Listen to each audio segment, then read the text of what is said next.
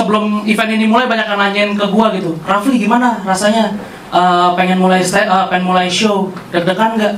Jujur gua gak deg-degan bang. Gua kedinginan. Pas pengen berangkat ke sini gua kehujanan. Nih kalau gak percaya masih basah nih bang. Tuh. Masih basah. Eh, bener, gue nih broken home ya. Tapi sebelum itu gue meniti karir stand up gue emang di zaman pandemi, zaman-zaman di mana open mic masih pada virtual, ya kan. Dan apa ya? Gue pernah open mic, open mic virtual mm, ngebahas tentang broken home gitu. Terus di akhir di akhir open mic ada yang komen, bang, gue juga anak broken home bang.